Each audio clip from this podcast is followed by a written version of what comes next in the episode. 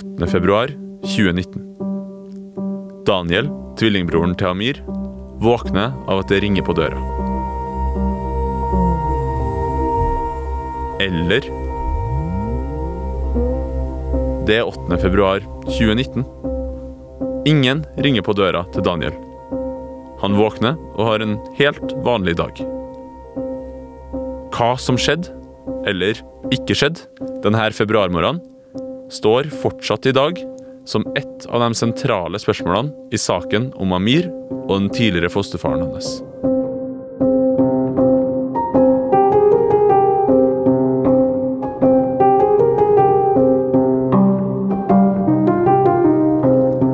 VG Alt fortalt presenterer podkastserien Fostersønnen. Laga av Askild Matre Aaserød og meg, Martin Folkvord.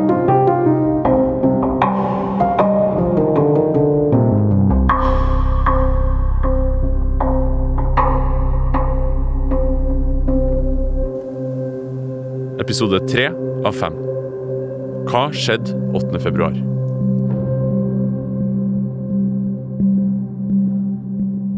Der vi slapp historien i forrige episode, så hadde fosterfaren slått seg opp som eier av et privat selskap som tjente gode penger på å selge tjenester til det norske barnevernet. Så kom konfrontasjonen på baren på Grønland med en tidligere fostersønn hans, Amir. Etter det ble fosterfaren anmeldt for seksuelle overgrep mot Amir. Men før vi fortsetter den historien, og kommer fram til det som skjedde, eller ikke skjedde, etter anmeldelsen, la oss gå litt tilbake i tid. Til 2012, da Daniel, broren til Amir, flytta etter tvillingen sin til Oslo. Ble ferdig på videregående og hadde egentlig ikke noen plan der. Han flytta inn i kollektiv sammen med tvillingbroren og en kompis til. Eh, Nesten helt oppe med bommen i, i Tøyengata.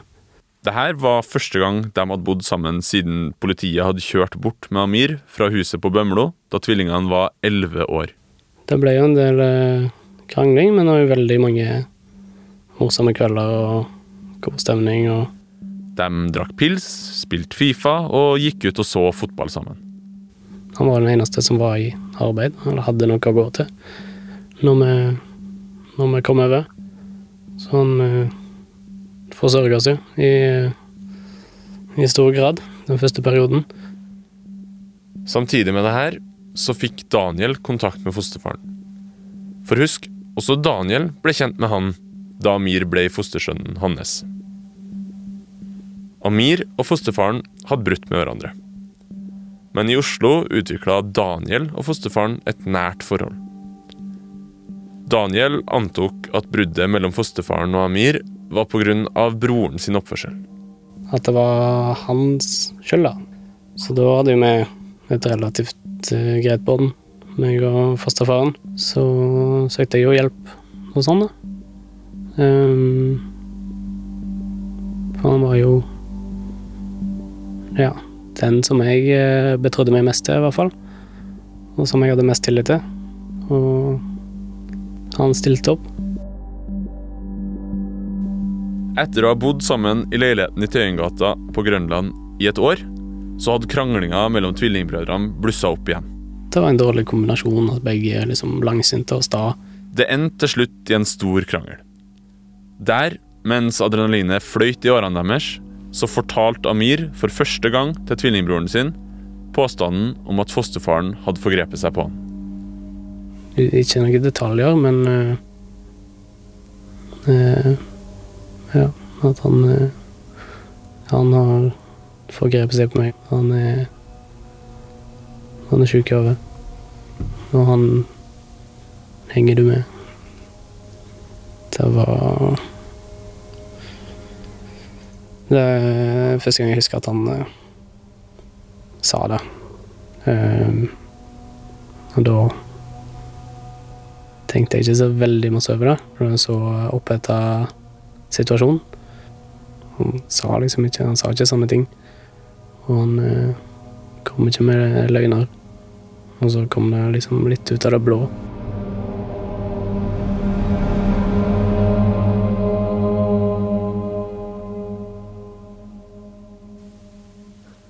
Likevel så brøyt ikke Daniel med fosterfaren. Ja, da var vi gode venner. Da var jeg nok bedre venn med han enn jeg var med broren min. På den tida her skulle fosterfaren flytte til en annen leilighet i bygården hvor han bodde, vest i Oslo. Da tilbød han Daniel å overta den gamle leiligheten. Så da fikk jeg eh, Da flyttet jeg inn i, i leilighet i første etasje, mens han bodde i fjerde etasje. Og fosterfaren fortsatte å hjelpe Daniel. Han betalte for førerkortet mitt. For at jeg skulle begynne å jobbe hos han. Så han ga meg jobb. Da ble jeg eh, ansatt som eh, miljøarbeider for hans eh, barnevernsselskap. Med tvillingbroren så var det en masse krangling. Hos den tidligere fosterfaren fikk Daniel en masse hjelp. Da ble det jo fort til at jeg heller gikk til han. Jeg ble jo veldig, veldig avhengig av han. Årene gikk. 2014, 2015, 2016. Eh, Så sjukt som det, er, så er det mange år imellom. Men Daniel kom en dag til å bli tvunget til å velge side. Mellom fosterfaren og tvillingbroren.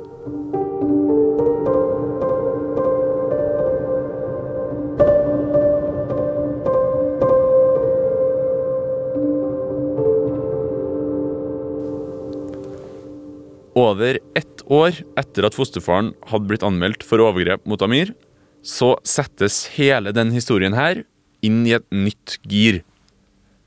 For da konkluderte politiet og påtalemyndigheten med at de ville tiltale fosterfaren. Det betyr altså at politiet trodde på det Amir fortalte. Og de mente at de hadde en sterk nok sak til å få fosterfaren dømt i retten.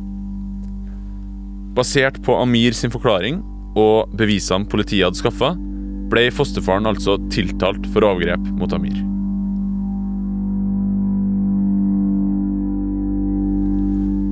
Og da har vi kommet til morgenen fredag 8. februar 2019. Det er to dager etter at fosterfaren ble tiltalt. Eller strengt tatt så har vi kommet til to mulige utgaver av morgenen 8. februar 2019. For det finnes to totalt motsatte beskrivelser av hva som skjedde den morgenen her. Den ene fortellinga stammer fra tvillingbrødrene. Den andre er fortalt av fosterfaren og kjæresten hans. Det har vært en rettssak i Oslo tingrett, og der har de to motstridende beskrivelsene av den dagen her blitt veid og sammenligna av tre dommere. De tror enstemmig på fosterfaren. Så la oss høre de to historiene om den dagen her.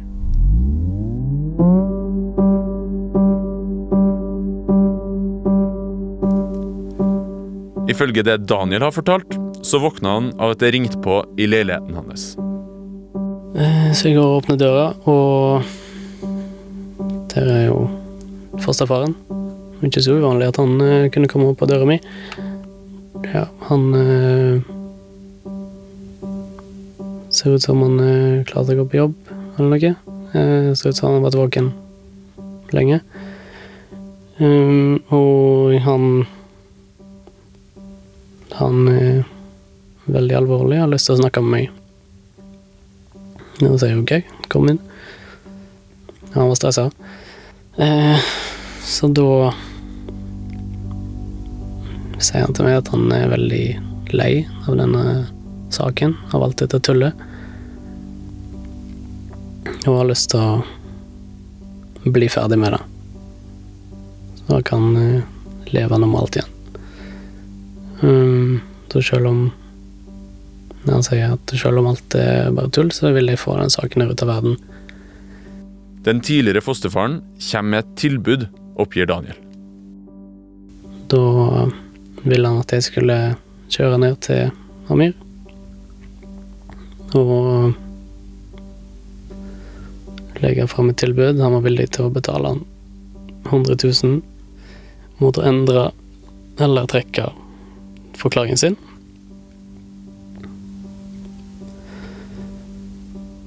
Og så vil han gi meg 100 000 for å være budbringer, da. Fosterfaren lar så Daniel låne bilen hans for å kjøre ned til Amir og gi han tilbudet, hevder Daniel videre. Han kjører fra bygården der han og fosterfaren bor, vest i Oslo, gjennom sentrum og til Amir sin leilighet øverst ved bommen i Tøyengata på Grønland. Det er den samme leiligheten brødrene tidligere hadde bodd sammen i. Det er litt uh, smalltalk. Helt casual. Jeg får en smoothie. Mm, Daniel forteller Amir hvorfor han er der. da blir han bra satt ut. Ja, han blir veldig sint. Veldig skuffa, veldig lei seg. Eh, og skjeller meg ut for Hvordan kan jeg være så dum? Og skjønner du ikke Ja, jeg har ikke tenkt noe over det. Jeg har ikke noe gjort å svare. Amir sier til broren at han ikke vil ha noen penger, forklarer både han sjøl og tvillingbroren til politiet senere. Ifølge Daniel kjører han firmabilen til fosterfaren tilbake til leiligheten og forteller fosterfaren om reaksjonen til Amir.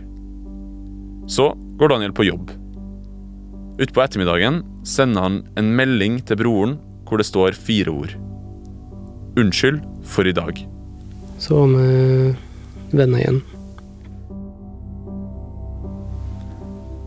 Når Daniel ser tilbake, så føler han seg naiv. At det han påstår skjedde, kunne være straffbart, hadde han ikke engang tenkt tanken på, forteller han i dag. Jeg tenkte ikke noe at det skulle bli en big deal eller noe. Tenkte ikke noe stort på det. Men Amir sin reaksjon er helt annerledes. Det går bare noen timer fra broren sitt besøk til Amir sitter på Grønland politistasjon. Han anmelder fosterfaren for motarbeidelse av rettsvesenet. Det var den avgjørelsen som til slutt tvang Daniel til å velge side mellom fosterfaren og tvillingbroren sin. Og at jeg måtte Måtte gjøre det som var rett.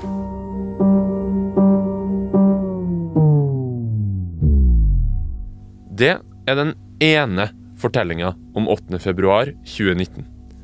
Den andre går sånn her.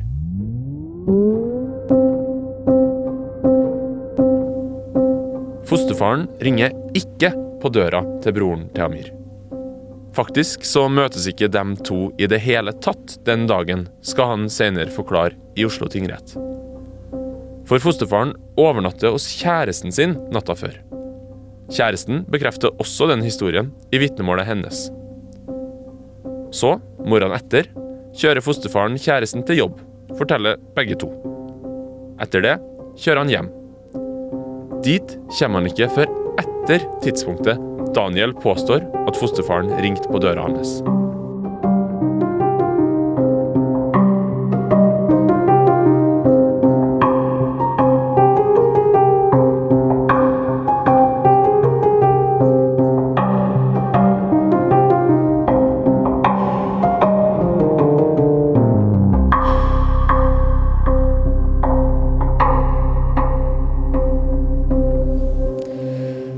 I retten forteller fosterfaren ikke bare om det påståtte pengetilbudet, men han kommer også inn på Amir sine overgrepsanklager. Saken har vært helt forferdelig for han, og er det ennå, forklarer han. Den har ført til at han har stått utafor arbeidslivet og utafor fellesskapet, sier fosterfaren. Han har også følt seg trua og sjikanert av personer som har lagt ut informasjon om han på internett. Gjennom hele rettssaken kritiserer forsvareren til fosterfaren, Thomas Randby, politiet sin etterforskning av det påståtte pengetilbudet. Dommerne tror til slutt, som du allerede har hørt, på fosterfaren. Han blir enstemmig frikjent. I sitt avsluttende innlegg spør forsvarer Randby retorisk, og her siterer jeg.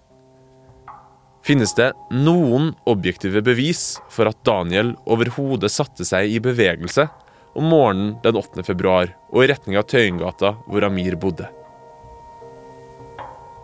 Det spørsmålet har VG undersøkt nærmere.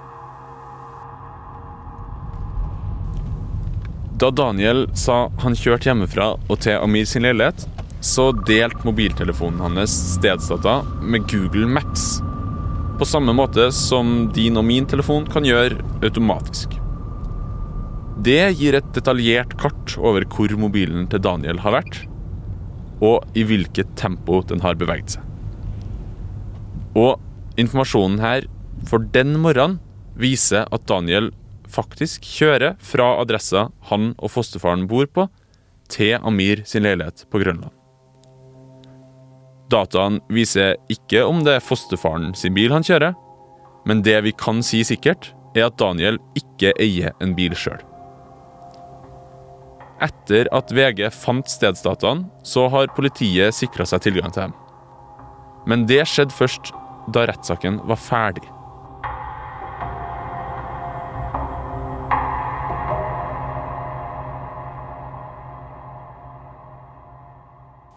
Med nye bevis har påtalemyndigheten anka frifinnelsen. Det er, når denne podkasten publiseres, ikke klart om anken vil bli behandla i lagmannsretten. VG har stilt politiet ei rekke spørsmål om etterforskninga av hva som skjedde 8.2.2019. Politiet har avslått å svare, siden saken er anka og den dermed ikke er avslutta. VG har også stilt fosterfaren en rekke spørsmål om både overgrepsanklagene fra Amir og om påstandene om et pengetilbud. Han viser til forsvareren sin, Thomas Randby. Randby vil ikke la seg intervjue til denne podkasten men han skriver i en mail dere har oversendt flere spørsmål i forbindelse med en verserende straffesak der jeg er oppnevnt som forsvarer. Politiets etterforskning har pågått i snart fire år, og den er en stor belastning for alle involverte. Min klient har hele tiden nektet straffskyld, og han har forholdt seg til samme forklaring i hele perioden. Han har blitt utsatt for beskyldninger med stadige endringer av forklaringer og påstander. Påstanden om et angivelig pengetilbud, tilleggstiltalen, ble behandlet av Oslo tingrett i vår, hvor det ble avsagt en enstemmig frifinnende dom. I en annen mail skriver forsvareren det er også slik, som du og VG er kjent med, at jeg av formelle grunner ikke har anledning til i media å utøve et reelt forsvar av min klient mot de påstander som er fremsatt. Opplysningene i straffesaksdokumentene er i stor utstrekning underlagt taushetsplikt. Min klient er enstemmig frifunnet av Oslo tingrett for tilleggstiltalen, og vi venter for tiden på lagmannsrettens silingsavgjørelse. Senere i e-posten fortsetter han. På denne bakgrunn finner jeg det ikke naturlig på dette tidspunkt å stille opp i en podkast om straffesaken. Det vil være som å skulle prøve å forsvare sin klient med begge hender låst fast bak på ryggen. I neste episode et hemmelig lydopptak av fosterfaren. Ja, ja. ja, det er bra. Barnevernet får ny informasjon. Han ble vel tiltalt i februar 2020? Stemmer ikke det? Og Amir venter forgjeves på en rettssak. Med hver utsettelse så ble det bare ti ganger verre.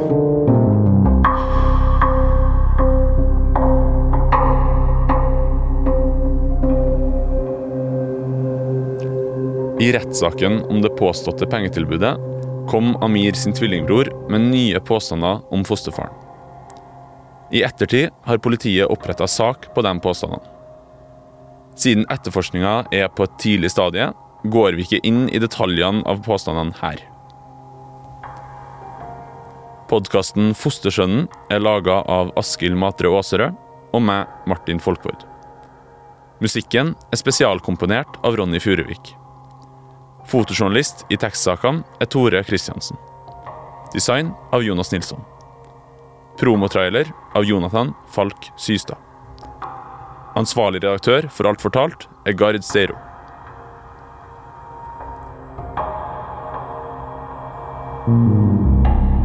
Du har hørt en podkast fra VG.